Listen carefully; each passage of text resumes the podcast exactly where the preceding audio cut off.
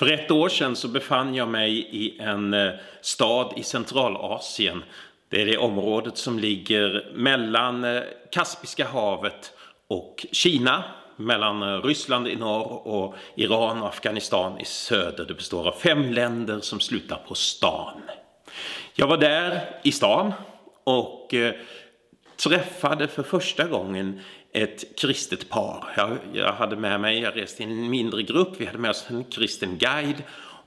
Och hon eh, presenterade det här paret. Hon sa inte att de var kristna. Vi befann oss utomhus, det var ingen som kunde höra oss, tror jag. Det var ingen som stod i närheten. Eh, vi stod lite för oss själva, men vi var utomhus på offentlig plats i en stad. Och vår guide presenterade det här paret som hon kände väl.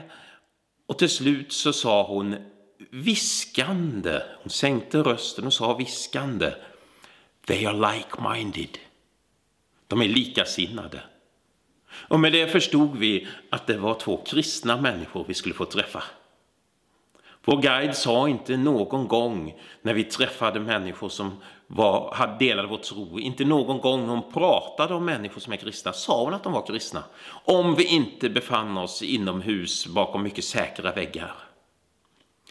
De här människorna, de eh, träffas och firar, firar gudstjänst ibland. Men aldrig på samma plats två söndagar i rad. Utomhus eller på undanskymda platser.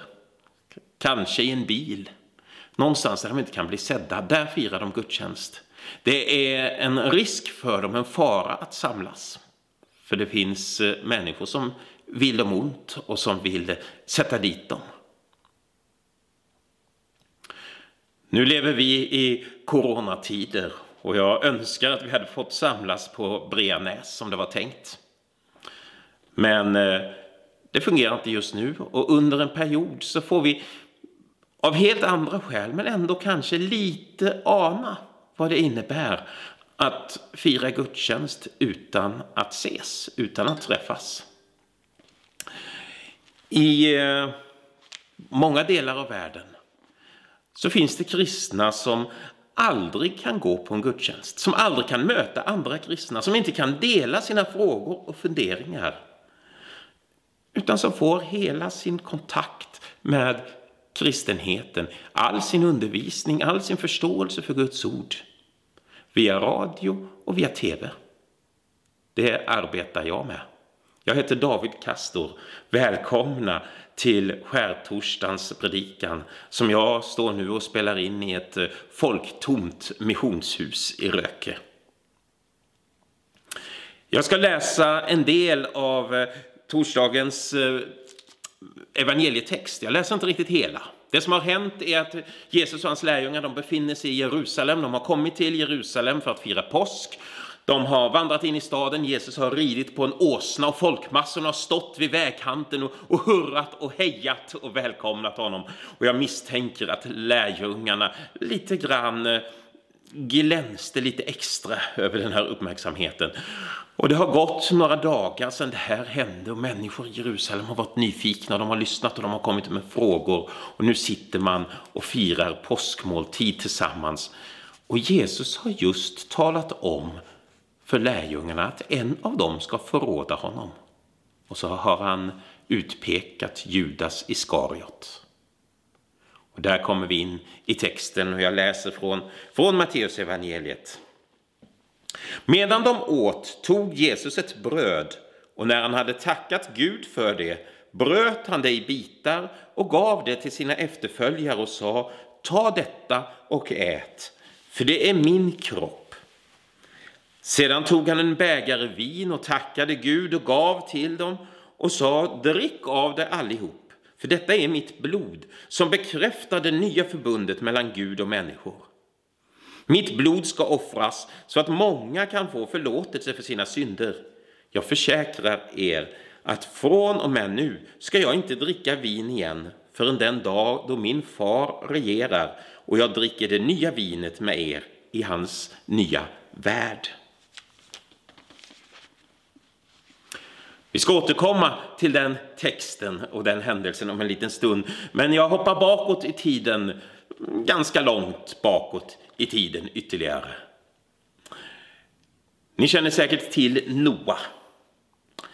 Och jag skulle tro att eh, de flesta av er associerar Noa i första hand med en stor båt och med en massa djur.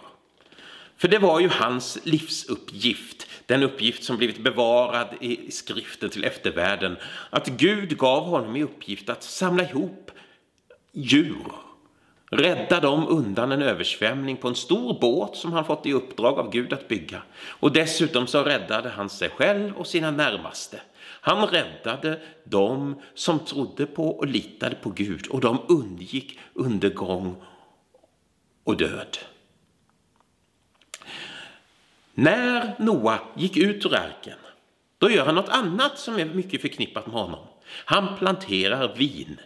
Det står att han planterade den första vingården. Noa, den person som alltså fått Guds uppdrag, lytt Guds bud och räddat mänskligheten så som vi känner den undan död och förintelse. Den Noa planterar den första vingården och ger alltså människor vin från där det inte hade funnits vin tidigare. Den berättelsen tar vi med oss vidare och så vill jag läsa några stycken profetior från, eh, från Gamla Testamentet. Jag läser från Ordspråksboken. Ära Herren med allt vad du äger och med det första av din skörd då ska dina lador fyllas av säd och presskaren flöda över av vin. Jag fortsätter med Joels bok. Då ska ni inse att jag är Herren er Gud som bor på Sion, mitt heliga berg. Jerusalem ska vara heligt, aldrig beträdas av främlingar. Den dagen ska bergen drypa av druvsaft och kullarna flöda av mjölk. Så läser jag från profeten Amos. Ja, den tid kommer, säger Herren, då plöjaren följer tätt efter den som skördar och vintramparen tätt efter den som sår. Då bergen dryper av druvsaft och alla höjder flödar över.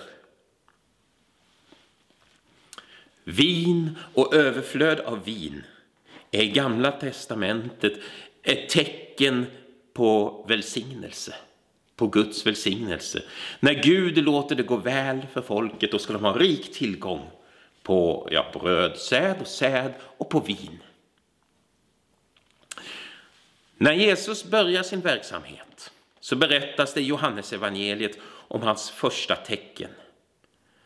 I Johannesevangeliet talas det inte om under utan det talas om tecken. Sju stycken tecken har Johannes skrivit ner som Jesus utförde och det första av tecknen, första i ordning, kanske också första i betydelsen främsta, viktigaste, största, även om man kan tycka att uppväckande av döda och sånt där kan vara större. Men, men det finns en stor signifikans i, Johannes, i Jesus första tecken i Johannes evangeliet.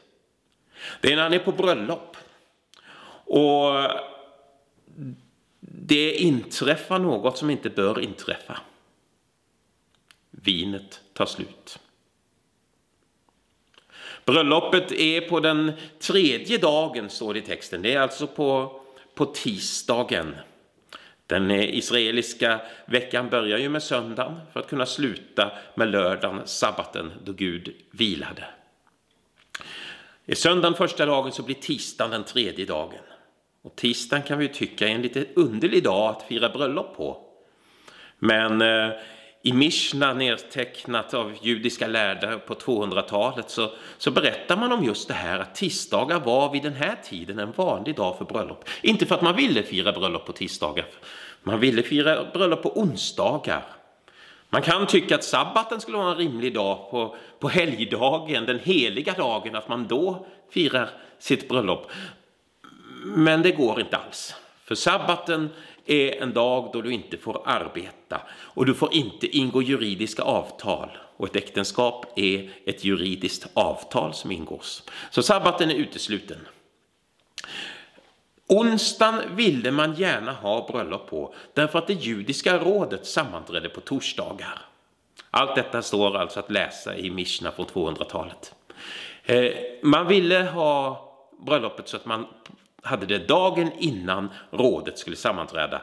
För att om brudgummen under bröllopsnatten fick anledning att tro att bruden inte varit oskuld, då kunde han eh, bringa det inför rådet och eh, äktenskapet kunde upphävas och kvinnan straffas. Och det menade man på borde ske så fort som möjligt. Så det var bäst att bröllopen firades på onsdagar. Cyniskt kan vi tycka, men det blir värre. För anledningen att man vid den här tiden ändå föredrog tisdagarna var att man levde under romarrikets lagar och regler. Och enligt dem så hade romerska, de höga romerska officerarna, de hade rätt att eh, när det firades bröllop bland underlydande folk så kunde den höga officeraren gå och hämta bruden för att själv tillgodogöra sig den första natten med den nygifta bruden.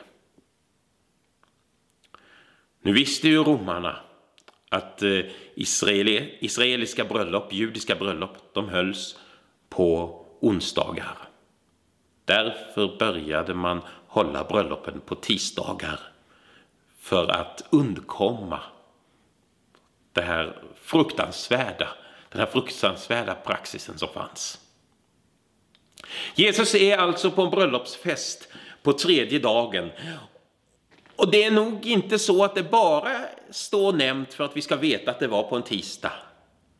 Utan med tredje dagen så tänker den som läser texten i efterhand som vi får göra gärna på att tredje dagen är uppståndelsens dag. Och vi får se lite fram emot den i det här tecknet. För vinet hade tagit slut, sa jag. Och det är en skam förstås för, för både brudpar och värdar om man inte har vin till hela festen. Den skulle ju vara i flera dagar.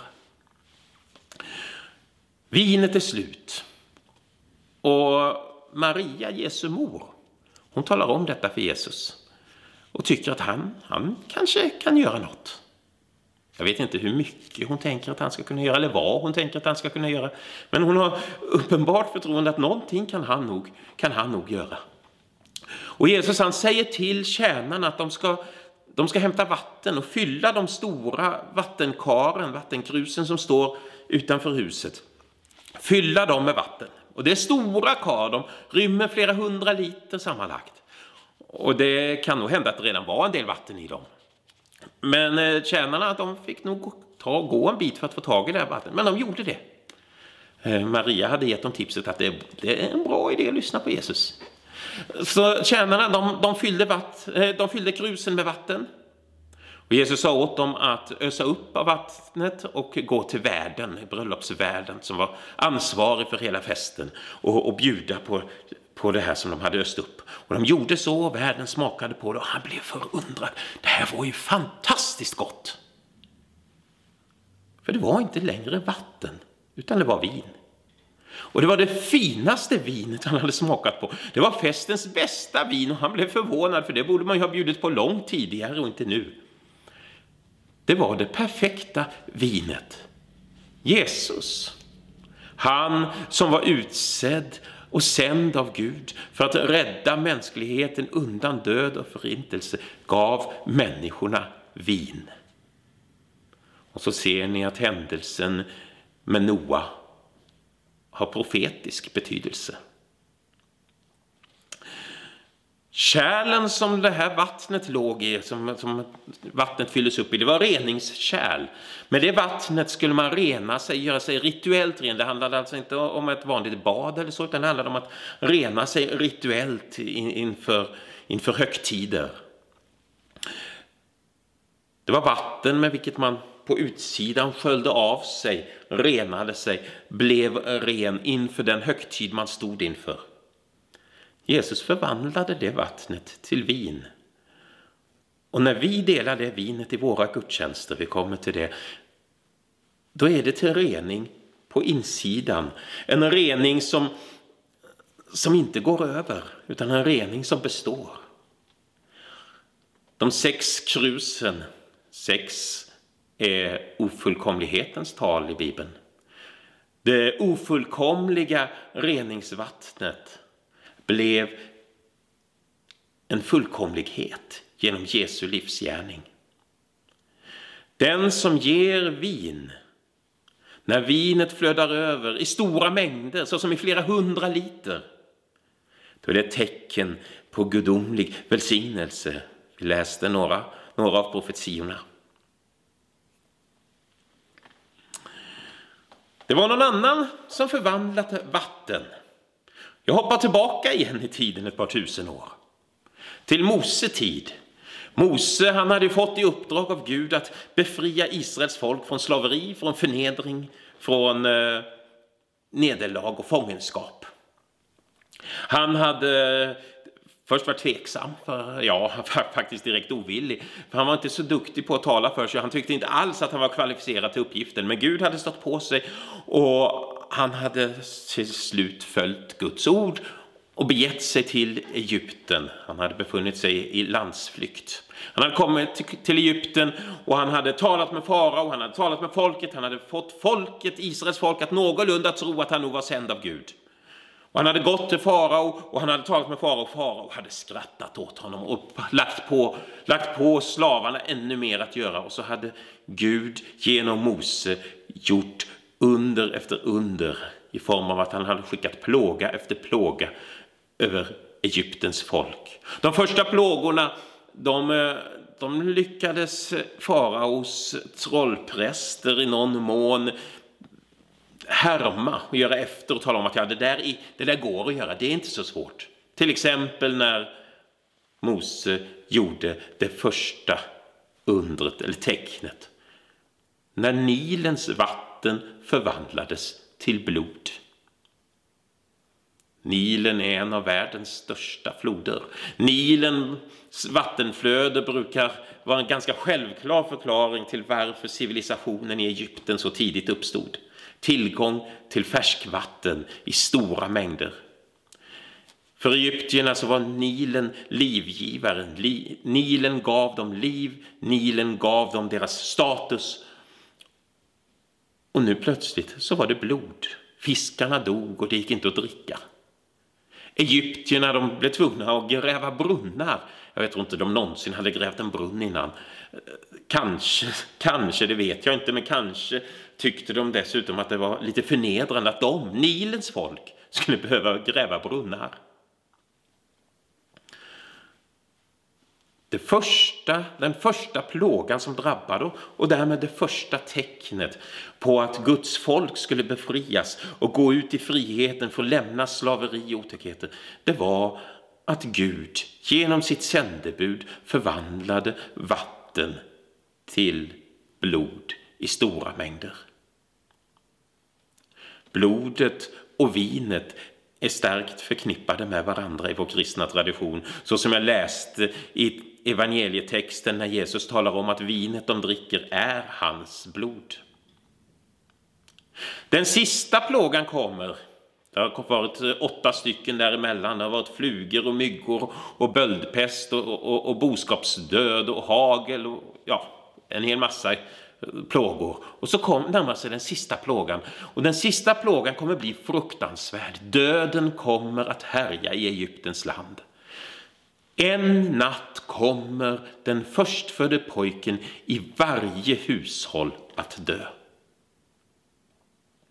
Men Israels folk har fått löfte om Gud, från Gud att om de slaktar ett lamm eller en killing, alltså ungen från får eller get, och tar blodet från det lammet och stryker på dörrposterna till sitt hus, då kommer döden gå förbi. Det huset, det hushållet kommer att stå under blodets beskydd. Därför att någon annan, ett lamm, har slaktats, har dödats, har dött i deras ställe. Blod har redan utgjutits och de har lyssnat till Guds löften och till Guds ord.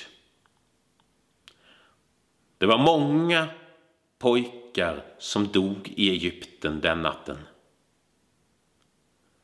Men det var många pojkar i Egypten som skyddades av blodet och överlevde.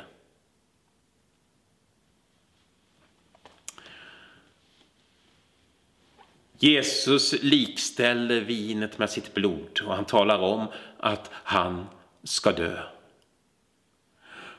Och så berättar han att det här vinet, blodet, det, är, det har med det nya förbundet att göra, det nya löftet. För det inträder någonting nytt där. Han utgjuter blodet, eller hans blod utgjuts om vi ska noga. Det är alltså spills ut, hans blod offras. För att kunna måla dörrposter. Ditt hjärtas dörrpost målas med Jesu blod. När du tror på honom, när du litar på honom. När den heliga ande får ha liv i ditt hjärta. Vi kan inte tillsammans fira mässa idag som vi hade tänkt. Det blir inget bröd och vin i just den här gudstjänsten. Men eh, liksom vattnet i de här eh, ceremoniella reningskaren förvandlades till vin. Och jag sa att vinet har en evig verkan. Det innebär inte att vi bara ska dricka vinet en gång, nattvardsvinet en gång. Men vi får lita på att räddningens, frälsningens kraft, blodets beskydd varar även om vi på grund av omständigheter får stå över både församlingsgemenskap och delande av bröd och vin en period. Gud är god. Han vill rädda oss undan döden, den andliga döden, till liv med honom, evigt liv. Tacka och ära honom för det. Amen.